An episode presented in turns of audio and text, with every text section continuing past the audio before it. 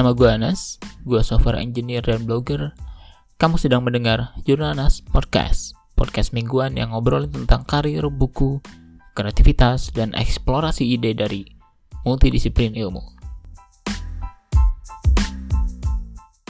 Halo semuanya, hari ini mungkin bahasannya agak sensitif, sulit dibicarakan tapi juga udah jadi hal yang umum terjadi menurut gue gitu.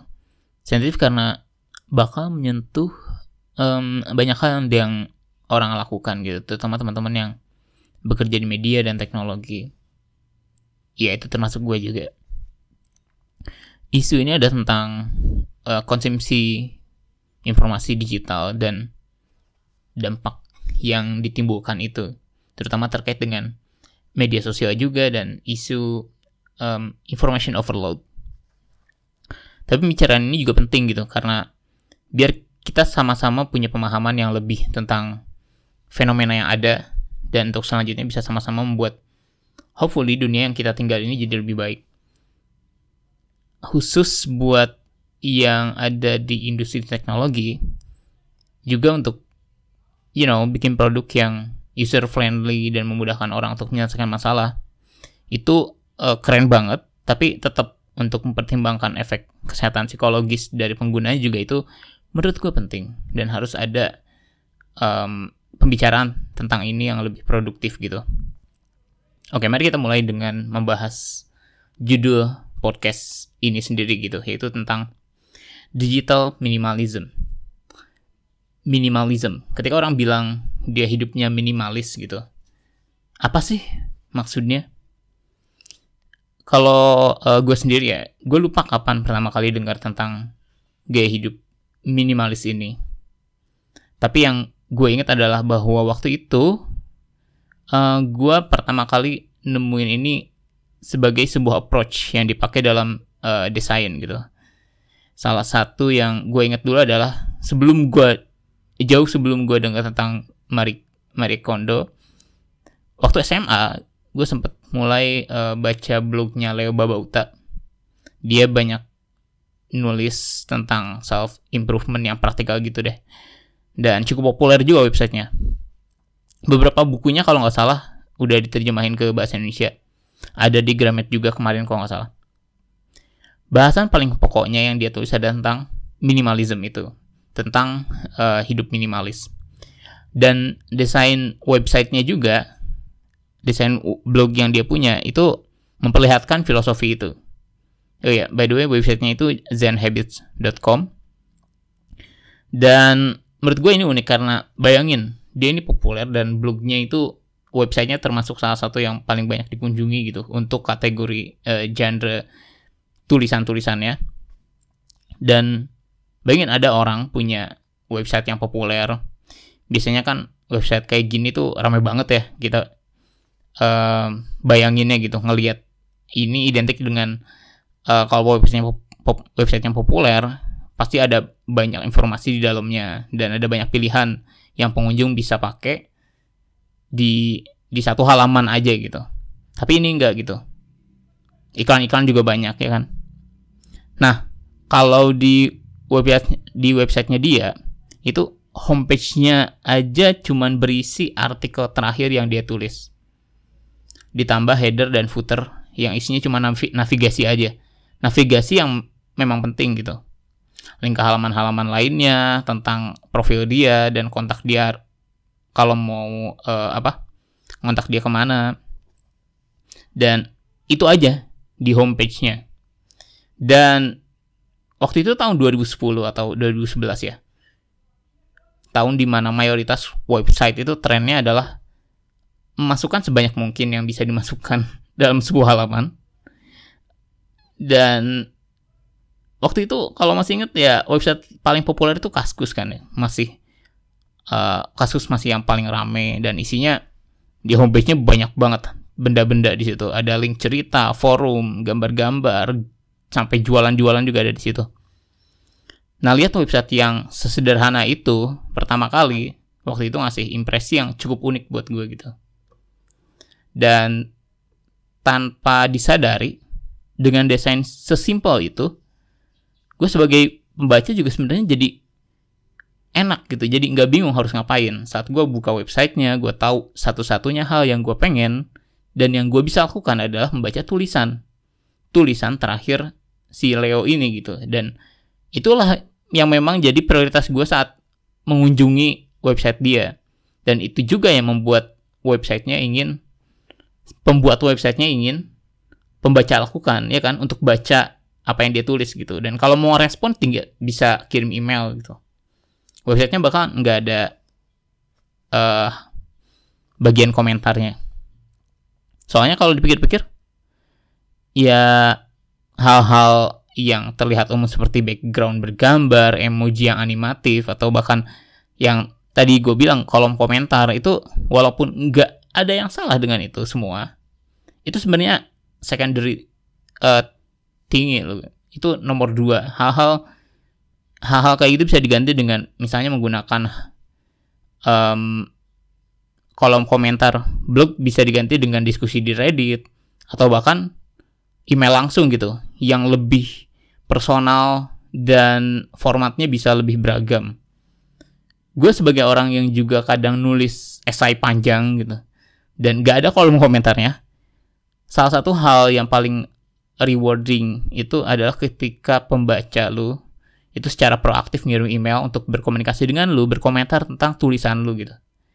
Itu sensasinya apa ya keren banget dan itu salah satu yang jadi motivasi gue untuk tetap nulis tulisan yang apa pun yang gue mau gitu. Kalau memang itu butuh panjang banget buat ditulis ya udah gue bakal tulis sepanjang itu. Nggak harus uh, misal jadiin SEO sebagai prioritas. Anyway, lambat laun, gue semakin melihat dan menyadari betapa powerfulnya desain yang minimalis kayak gini. Karena desain yang minimalis itu memberi peluang untuk subjek orang yang menggunakan itu pakai produknya bisa lebih fokus. Fokus ke hal yang memang penting aja, yang esensial aja. Dan di dunia di mana orang punya lebih banyak pilihan, saat orang punya attention span yang dikit banget, sebuah produk, sebuah media, sebuah website yang bisa membuat usernya untuk fokus ke dalam satu hal fungsional yang penting dan menggunakan waktu yang ada untuk berada di situ aja itu bentuk superpower tersendiri sih kalau menurut gue ya. Dan desain minimalis itu juga yang menjadi gaya banyak desainer desainer populer di berbagai industri muncul gitu dan pakai gaya itu salah satunya kayak uh, Johnny Ive yang uh, desain banyak produk Apple dan yang lebih legendaris itu Dieter Rams. Hopefully gue ngomongnya uh, nam spell namanya bener. Dia itu industrial designer dari Jerman untuk perusahaan bernama Braun. Dia banyak mendesain produk-produk keseharian yang dipakai yang dipakai orang sehari-hari gitu. Uh, mesin-mesin kayak mesin kopi dan macam-macam. Nah, salah satu prinsip desain yang dia pakai adalah uh, dia pernah bilang, good design is as little design as possible. Less but better. Karena desain yang sederhana itu artinya memfokuskan produk pada aspek-aspek yang esensial aja gitu dan bagian-bagian yang enggak esensial dihilangin aja di di refine dan dari situ dan dari situ juga yang memaknai hidup minimalis itu dari sudut pandang gue seperti apa? Yaitu gaya hidup dengan hanya menggunakan dan fokus ke hal-hal yang penting aja, yang esensial aja.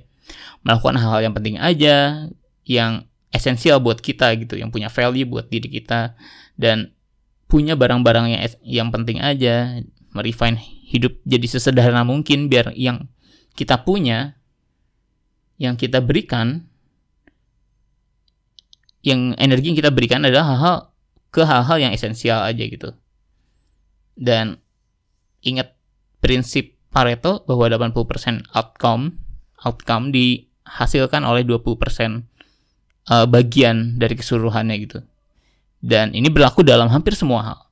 80% kekayaan populasi dimiliki oleh you know 20% orang atau malah lebih kecil dari itu 80% profit sebuah perusahaan dihasilkan oleh 20% klien, 80% error dari sebuah software disebabkan oleh 20% kodenya, macam-macam.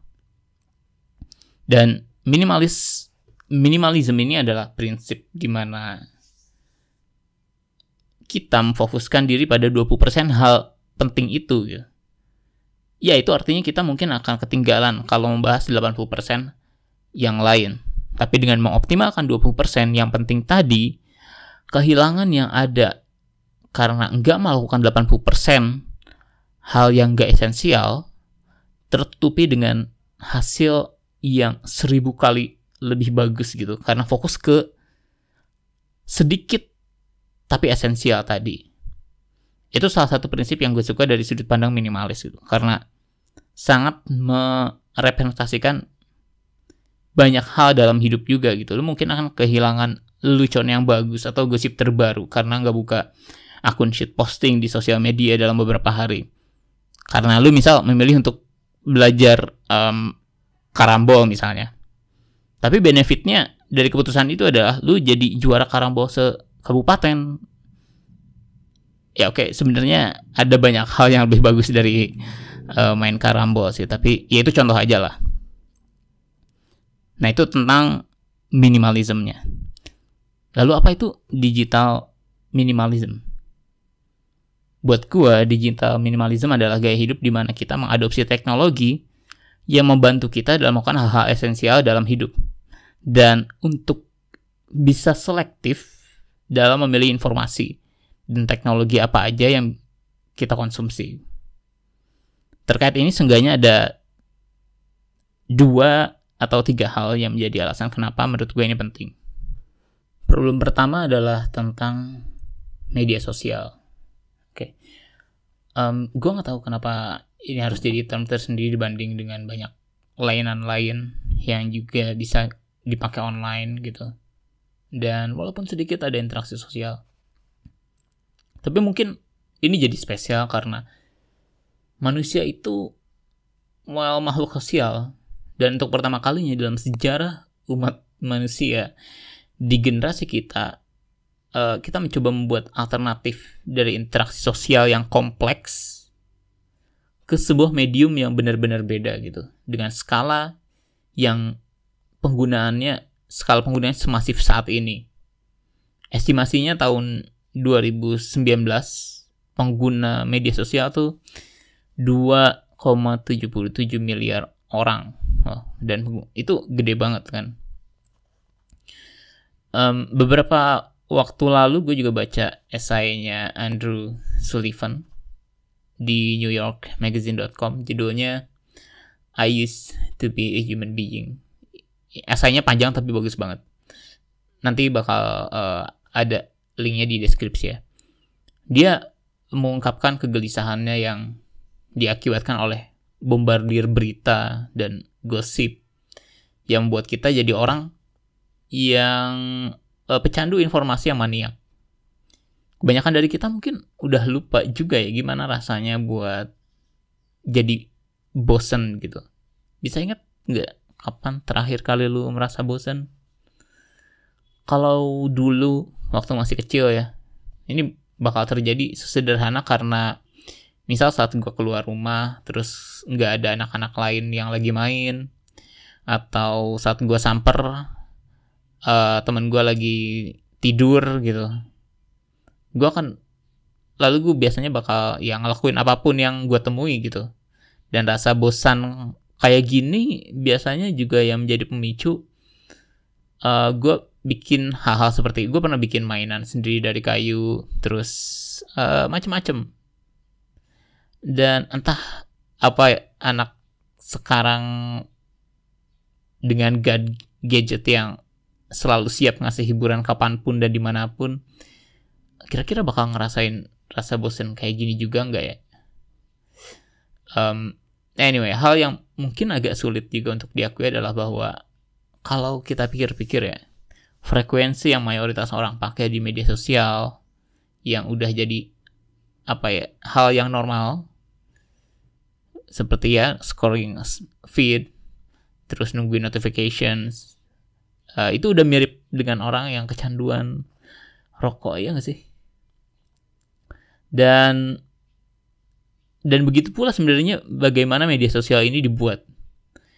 Misalnya keputusan sekecil apa pun seperti warna yang dipakai buat tombol login yang kecil saat lu akses di mobile web gitu.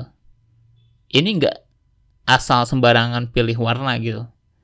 Ini adalah hasil dari riset yang melibatkan banyak orang dan dilakukan dengan serius hasil riset. Jadi semua sekecil apa pun tuh ada itu intended dibuat seperti itu biar kita, biar pengguna bisa selama mungkin ada di layanan mereka.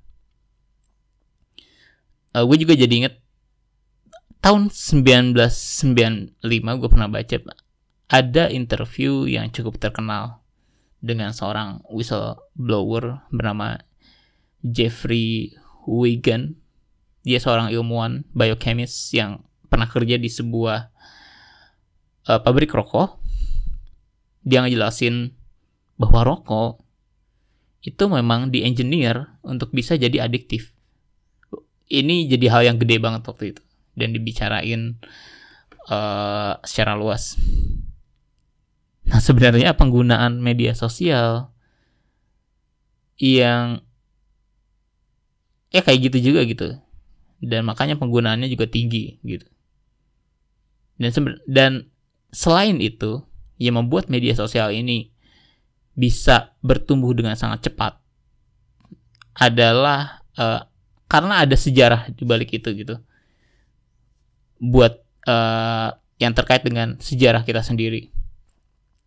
Dulu di zaman Paleolitikum, you know, orang-orang di zaman di mana orang-orang kerjanya masih berburu dan metik buah doang, penting untuk bisa selalu memastikan posisi lu secara sosial di suku atau tribe lu itu gimana gitu.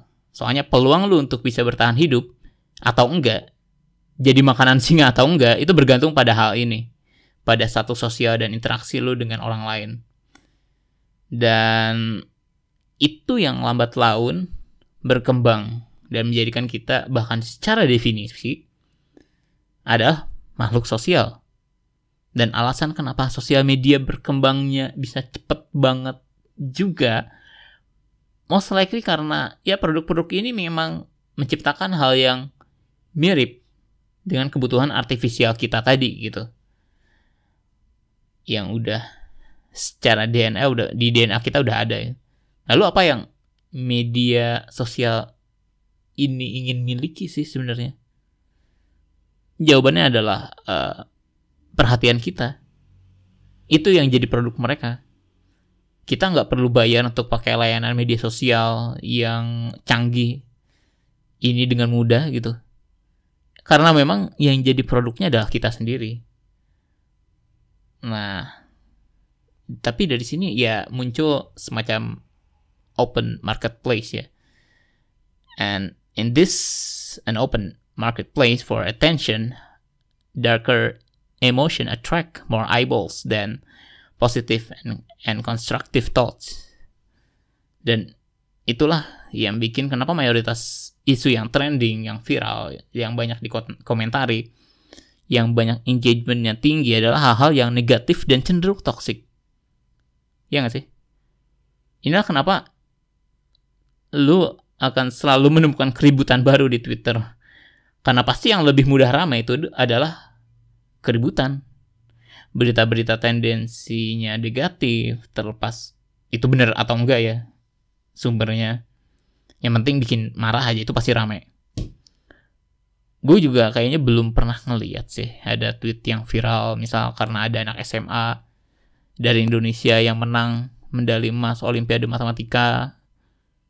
Itu kan banyak ya. Tapi kayaknya nggak pernah viral deh yang hal yang kayak gini. Kenapa? Karena bagi netizen ini nggak hal positif kayak gitu nggak menarik. Jadi bisa dibilang kalau kita scrolling me sosial media tanpa tujuan dan cari yang menarik gitu, hanya sekedar cari yang menarik tanpa ada uh, secara intensionalnya di sesuatu, itu mirip dengan kalau kita keluar rumah dan secara sengaja penuh kesadaran itu nginjek eh kucing. Itu kan geli ya. Uh, gue ngomongnya juga geli. Tapi ya kayak gitulah. Gue rasa penggambaran yang cukup pas. Dan suka nggak suka kenyataannya adalah media sosial yang kita pakai ya dibuat kayak gitu gitu. Akhirnya itu efeknya efeknya kayak gitu. Dan gue masih inget juga kalau gue pulang dari luar negeri misal baru uh, keluar dari bandara dan naik mobil.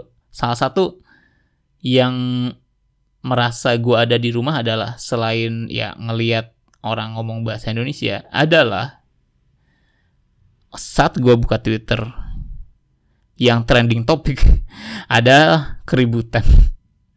Boykot inilah terus ya hashtag kayak gitulah. Agak apa ya agak waktu itu jadi agak bingung juga gue mau lega karena udah di rumah atau um, sedikit miris karena yang membuat gue teringat hal itu adalah keributan.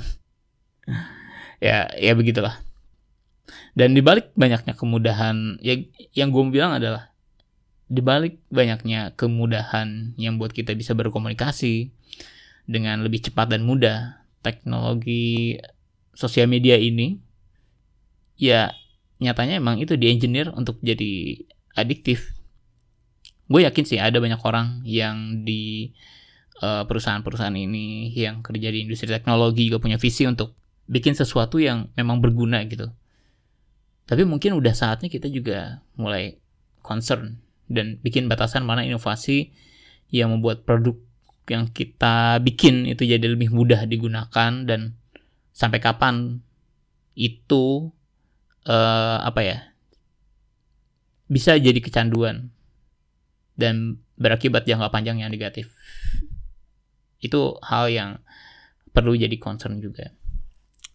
Uh, gue bukan anti sosial media gue juga punya gitu. Gue hanya mengungkapkan bahwa penting untuk punya awareness tentang gimana media sosial ini dibikin dan bagaimana mereka bekerja gitu biar kita bisa lebih uh, mengontrol penggunaannya biar kita bisa pakai teknologi-teknologi ini dengan lebih mindful, dengan lebih bijak. Nah, itu concern pertama gue tentang media sosial. Poin gue yang lain adalah bahwa media sosial, aplikasi smartphone secanggih apa pun, gak akan bisa menyentuh kualitas yang interaksinya, kualitas interaksi yang dihasilkan uh, dengan langsung ketemu orang real dan ngobrol gitu. Temen yang lu temui tiap hari itu lebih real dari profil-profil selegram yang lu kepoin seharian gitu.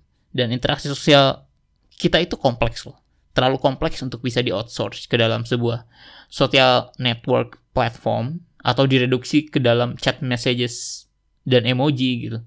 Percakapan dari muka ke muka itu prosesnya lebih lambat dan itu mengajarkan kita kesabaran dan mendengar. Kita juga menggunakan intonasi dan ekspresi ada artinya semua itu. Sementara dengan komunikasi digital, kita akan belajar kebiasaan yang beda. Komunikasi digital itu menurut gue efektif kalau tujuannya memang memecahkan masalah yang butuh uh, melibatkan banyak orang yang you know ada constraint terhalang uh, tempat yang beda dan waktunya juga. Nah, buat kerja ini efektif gitu. Teknologi sangat efektif buat membantu kita bekerja. Tapi untuk um, dari sisi membuat lu lebih bahagia atau membuat lu punya kualitas hidup yang lebih, ketemu langsung walau dengan jumlah orang atau temen yang jauh lebih sedikit dari follower lu di Twitter, itu lebih bernilai. Dan yang mau gue bilang lagi adalah itu aja sih bahwa media sosial itu alat. Sebuah benda sebuah produk teknologi yang berfungsi untuk kita gunakan saat diperlukan untuk menyelesaikan masalah-masalah tertentu. Sekiranya itu bisa membantu. Kalau nggak perlu kalau nggak perlu perlu amat atau nggak ada masalah yang membuat lo membutuhkan itu ya nggak pakai atau membatasi penggunaannya itu hal yang uh, bagus gitu bukan hal yang perlu dihindari karena lu melihat orang lain melakukan uh, satu hal gitu. Sementara lu pengen ikut-ikutan. Oke itu pertama tentang media sosial ya. Isu kedua adalah tentang information overload. Terlalu banyak informasi yang ada dan dikonsumsi orang saat ini. Dan kalau dulu orang nunggu jam 9 malam buat nonton dunia dalam berita di TVRI. Sekarang tiap detik berita pasti berita baru tuh pasti ada. Dan ada banyak pilihan juga gitu sumbernya dari mana. Bahkan ada banyak pilihan juga perspektifnya mau dari uh, orang macam apa. Berita kayak Syahrini tiba-tiba sakit flu sampai Diwan pengen makan bakso. Uh, ada ya itu hiburan sih normal lah kalau memang lu mau nonton itu buat keperluan entertainment uh, yang Diwan ya bukan yang Syahrini. Tapi berita-berita umum pun banyak banget dan bakal selalu ada gitu. Soalnya konflik masalah itu setiap hari pasti ada. Karena dunia yang kita tinggali itu gede banget. Indonesia ini gede banget. Kalau dicari-cari masalah sekecil apa pun ya walaupun kecil tapi menarik pasti ada. Pasti ada yang baru. Dan tanpa sadar akhirnya kita energi kita energi mental kita itu seharian habis karena di dikit-dikit disuntik berita-berita yang cenderung negatif kayak gini. Dan mostly nggak begitu penting sih. Ya gak sih? Lu nggak inget kan apa yang minggu lalu dibaca yang membuat lu marah yang membuat lu marah gitu? Mostly kebanyakan orang nggak nggak inget juga sih. Dan mayoritas berita menurut gue ya tadi nggak penting-penting banget. Kecuali kalau pekerjaan dan produktivitas lu bergantung pada ya ini volume pemberitaan yang beda volume pemberitaan ya. Itu beda lagi kalau lu jurnalis misal. Tapi mayoritas orang nggak perlu untuk secara konstan baca atau nonton berita.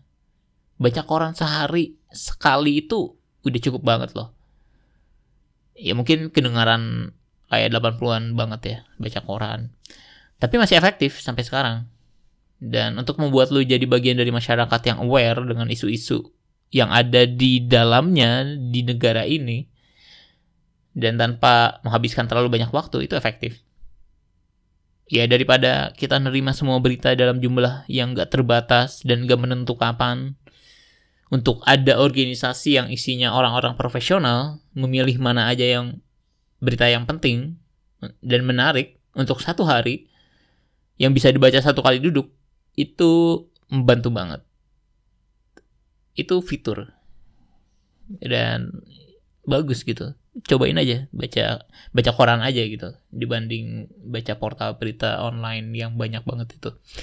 Dan tahu apa yang lebih efektif dari koran harian? Majalah mingguan.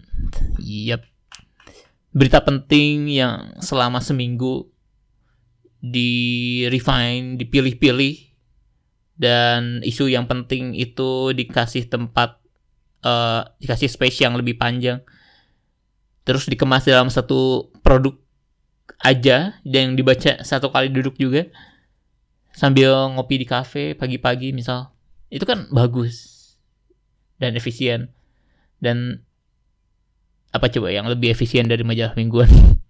iya, majalah bulanan. Iya, serius gak? Bahkan apa ya kalau kalau mau dilihat sih kalau ada majalah tahunan mungkin eh enggak tahunan terlalu aneh juga. Tapi bisa dicoba. Um, gue jadi kepikiran pernah nggak sih ada studi semacam seberapa beda jauhnya awareness terhadap isu-isu penting dalam masyarakat antara orang yang mengkonsumsi informasi melalui majalah bulanan, misal, dibanding dengan orang yang baca berita tiap hari dan online media di HP gitu.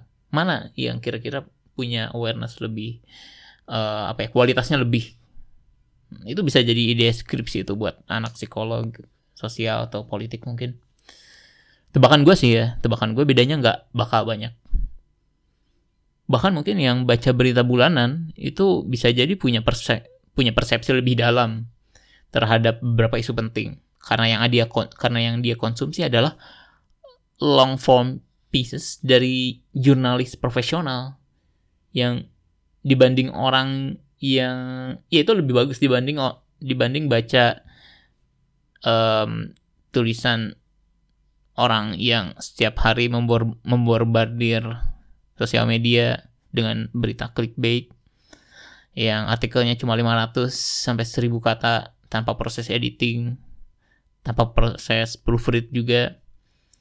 Yang mana ya ukuran ukuran online media itu kan salah satunya yang paling kelihatan biasanya seberapa banyak respon yang didapat dari tweet itu bukan kualitasnya.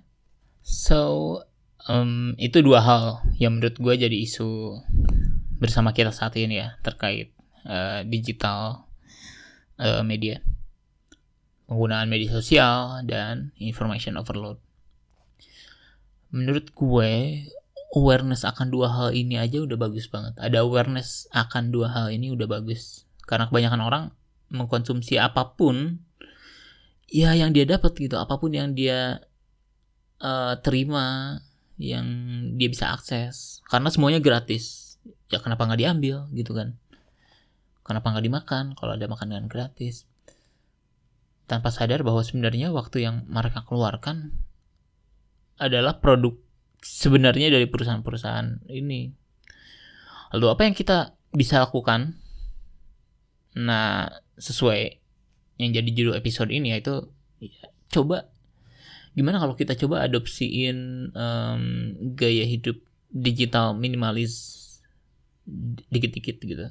Nggak harus bikin pengumuman di depan rumah oh gue mau jadi digital minimalis. Um, nggak nggak harus gitu.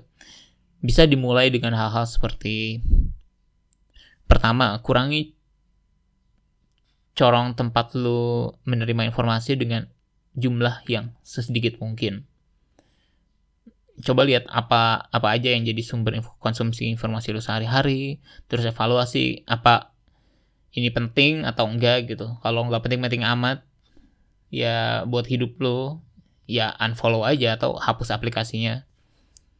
Soalnya gini loh email dan semua notifications yang muncul yang ada pada hakikatnya adalah sekumpulan agenda orang lain untuk diri lo sekumpulan agenda vlogger yang pengen uh, non lu nonton video mereka gitu. Ya termasuk podcast ini sih. Tapi seenggaknya kalau dengerin podcast gue kan lu bisa sambil masak ya kan? Nah eh, jadi kalau nggak mau hidup lu dikontrol dengan agenda orang lain terus menerus apalagi oleh random netizen ya buat agenda hidup lu sendiri. Dan jadiin itu prioritas dulu gitu kalau lu nggak menentukan apa yang penting dan yang enggak buat lu orang lain yang bakal nentuin. Orang lain yang bakal mengontrol keputusan itu. Orang yang minta lo melakukan sesuatu orang yang marah-marah di internet dan minta perhatian dan respon dari lu termasuk berita dan media media sosial juga ini membuat waktu hidup yang lu punya waktu hidup yang lu punya itu berharga cuy. Jangan mau dijual murah dibagiin gratis apalagi pakai untuk hal-hal yang memang punya value buat pakai buat orang bareng orang-orang yang memang berarti buat lu gitu. Dan selain itu, mulai mulai bisa juga mulai dengan cari kegiatan yang butuh um, real world structured social interactions uh, yang yang butuh interaksi sosial yang nyata. Misal volunteer di suatu event, ikut Toastmaster Club, belajar bisa belajar buat uh, public speaking bareng-bareng itu seru. Uh, ikut klub running club juga seru bisa dicoba. Um, itu dua. Lalu apalagi nah ini yang sederhana dan underrated menurut gue adalah jalan. Berjalan. Literally jalan pakai kaki ya. Misal ngelilingin kebun raya Bogor atau kebun binatang gitu uh, tanpa perlu ada agenda khusus cukup jalan aja dan lihat atau bahkan mikir memang jalanan di Jakarta ini sih nggak Jakarta dan mayoritas kota besar kita itu belum sepenuhnya rah, ramah pejalan kaki ya. Ya tapi saran gue sih cobain untuk pergi ke suatu tempat dan agendain cuma untuk jalan doang atau ya bisa sendiri sambil ngobrol. Yang penting adalah koneksi internet di HP lu ya matiin dulu atau gak usah bawa sekalian. Apa sih hal terburuk yang bakal terjadi kalau HP lu mati satu jam? Uh, Abraham Lincoln aja yang waktu jadi presiden sering kabur dari White House buat menyendiri di kabin pribadi dia Terus Leonardo da Vinci tiap sore sering pergi ke hutan, naik pohon, terus merenung. Isaac Newton juga yang ya, ilmuwan yang sibuk, dia sering nongkrong di kebun apelnya. Yang legendanya apa hukum gravitasi ditemuin saat dia nongkrong di situ dan apelnya jatuh. Ya itu nggak tahu sih benar atau enggak. Tapi intinya dia punya kebun apel aja dan sering nongkrong di situ. Soalnya kalau lu bukan dokter bedah atau jurnalis, wartawan perang atau presiden, kayaknya nggak nggak terkoneksi internet beberapa jam. Apa ya, efeknya nggak bakal heboh heboh nggak nggak heboh heboh amat sih kayaknya. Eh, dan kalau gue punya kafe mungkin ya siapa tahu mungkin aku bakal gue tempel dindingnya. Di sini nggak ada wifi anggap ini tahun 95 dan ngobrol aja. Itu kan keren. Ya biar apa ya biar bisa ngerasain lagi. Penting loh untuk punya solitude dan secara intended nggak terno nggak terkoneksi dengan informasi-informasi yang tiap detik muncul di HP lu gitu gue sendiri orang yang ya di industri teknologi ya dan gue masuk ke sini selain karena menyenangkan gitu ngoding bikin software bikin web itu karena gue juga tahu bahwa ada banyak hal yang berguna, yang baik, yang bisa dibuat dengan teknologi ini. Yang bisa membuat hidup kita jadi lebih baik. Bahkan coba pikir deh, yang ngebedain satu generasi manusia dengan generasi yang lain, yang ngebedain kelihatan zaman dulu, ini zaman dulu, ini zaman modern, itu dari apa? Dari teknologinya cuy. Iya kan? Coba kalau teknologinya sama aja, gimana ngebedain eh, tahun 1600 sama 2010 itu sulit gitu. Makanya progres umat manusia itu memang banyak banget terlihat ya dari teknologi yang kita buat itu yang juga membuat gue tertarik di dunia teknologi gitu industri ini hanya saja di sini di episode ini gitu gue pengen ngobrolin tentang teknologi dari sisi lain bahwa yang menentukan ke arah mana teknologi berkembang ya kita sendiri. Kalau kita melihat ada yang perlu diperbaiki, ya beri, ya berarti kita harus melakukan sesuatu untuk itu dan uh, fondasi dari digital minimalism ini adalah bahwa teknologi baru ketika digunakan dengan bijak dan intensional bisa membantu kita menjalani hidup yang lebih baik, yang lebih mudah gitu. Biar waktu hidup yang kita pakai itu bisa fokus ke hal yang lebih penting gitu dibanding hal-hal yang um, menial dan enggak ya terlalu banyak membuang waktu. Nah itu gunanya, bukan dengan ludism atau karena mengadopsi satu teknologi karena itu tren jadi ikut-ikutan aja gitu. Ingat loh, energi yang lu keluarin karena terbawa emosi misal. Karena sesuatu di sosmed. Uh, itu yang itu energi yang keluarin tuh nggak sedikit. Inilah kenapa banyak orang yang seharian gak ngapa-ngapain cuma online aja seharian di sofa scrolling sosial media tapi tetap aja pas udah sore udah malam ngerasa capek ya karena memang energi mentalnya kesedot banyak nah energi yang kesedot ini kan mending dipakai untuk hal-hal yang bermanfaat seperti nyapu lantai atau motong rumput di taman. Kan lumayan.